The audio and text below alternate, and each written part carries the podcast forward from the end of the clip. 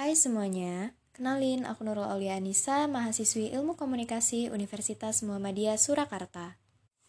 Jadi kali ini aku bakal membahas mengenai bentuk lembaga penyiaran yang ada di Indonesia dan juga jenis format acara televisi. Sebelum kita ke bentuk-bentuk lembaga penyiaran, kita harus tahu nih lembaga penyiaran itu apa. Lembaga penyiaran sendiri adalah penyelenggara penyiaran yang dalam melaksanakan tugas, fungsi, dan tanggung jawabnya berpedoman pada peraturan perundang-undangan yang berlaku. Bentuk lembaga penyiaran sendiri itu ada empat. Yang pertama, lembaga penyiaran publik. Apa sih lembaga penyiaran publik itu? Jadi, penyiaran publik adalah diakuinya supervisi dan evaluasi publik pada level yang signifikan. Bagi penyiaran publik, pendanaan didapatkan dari dana publik, iuran, dan iklan secara terbatas. Contohnya nih, BBC, NHK, RRI, dan TVRI. Kemudian yang kedua ada lembaga penyiaran swasta.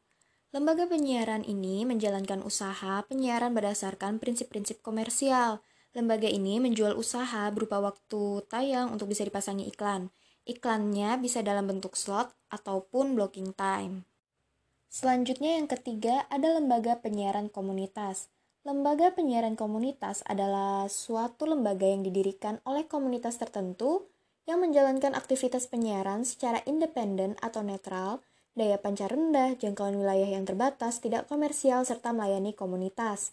Lembaga penyiaran komunitas tidak boleh komersil, yang penting penyiaran komunitas tidak boleh dimiliki atau berafiliasi dengan kelompok usaha yang mencari untung semata. Contohnya nih ada Gerabak TV di Magelang dan radio komunitas yang tergabung dalam JRKI, yaitu Jaringan Radio Komunitas Indonesia.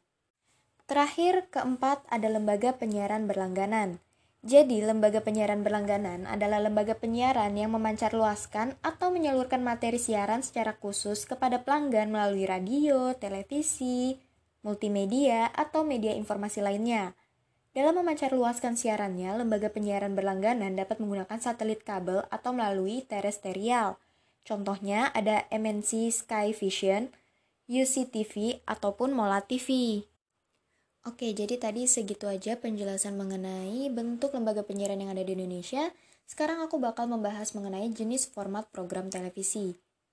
Jenis format program televisi sendiri ada kurang lebih 13 macam ya. Yang pertama, ada berita keras atau hard news.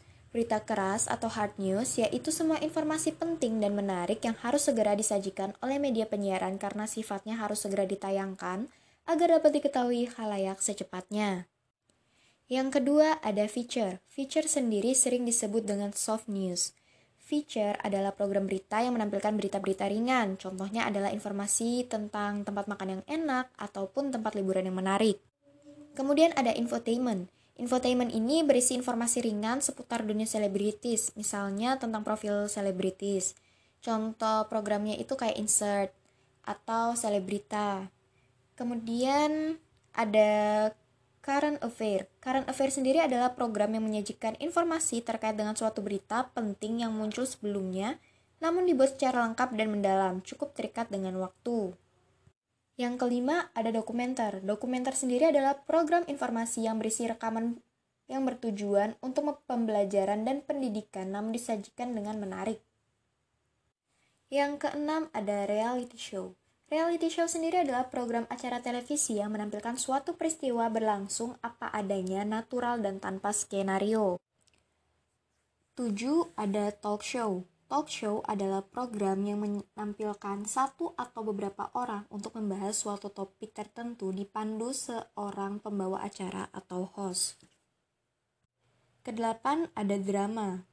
Program drama adalah pertunjukan show yang menyajikan cerita mengenai kehidupan atau karakter seorang atau beberapa orang yang diperankan oleh pemain yang melibatkan konflik dan emosi.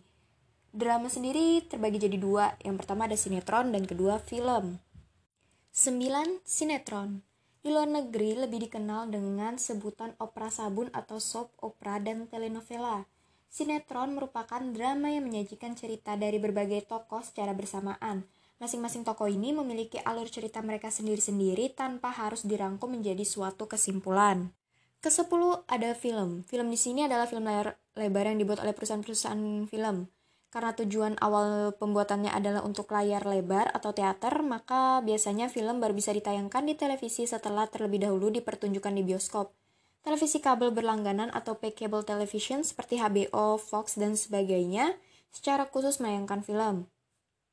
Kesebelas ada game show, yaitu suatu bentuk atau program yang melibatkan sejumlah orang baik secara individu ataupun kelompok yang saling bersaing untuk mendapatkan sesuatu menjawab pertanyaan dan atau memenangkan suatu bentuk permainan. Terdiri dari quiz show, permainan ketangkasan, dan kadang juga dikemas dengan pendekatan reality show. Kedua-belas, musik. Program musik dapat ditampilkan dalam dua format yaitu video klip ataupun konser. Program musik ini dapat dilakukan di lapangan atau outdoor ataupun dalam studio atau indoor. Program musik di televisi ditentukan dengan kemampuan artis yang menarik halayak, tidak saja dari kualitas suara tapi juga berdasarkan bagaimana mengemas penampilannya agar menjadi menarik. Dan yang terakhir adalah pertunjukan. Pertunjukan adalah program yang menampilkan kemampuan seseorang atau beberapa orang pada suatu lokasi, baik di studio ataupun di luar studio, di dalam ruangan ataupun di luar ruangan. Jika mereka yang tampil para musisi, maka biasanya pertunjukan itu menjadi pertunjukan musik. Jika yang tampil justru masak atau chef, maka pertunjukan itu menjadi pertunjukan memasak. Oke, aku rasa segitu aja penjelasan aku mengenai bentuk lembaga penyiaran yang ada di Indonesia dan jenis format televisi. Makasih banget buat kalian yang udah mau dengar dan see you.